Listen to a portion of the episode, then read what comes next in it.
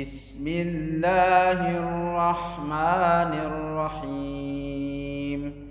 ألهاكم التكاثر حتى زرتم المقابر كلا سوف تعلمون.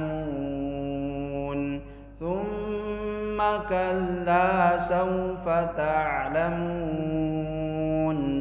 كلا لو تعلمون علم اليقين لترون الجحيم ثم لترونها عين اليقين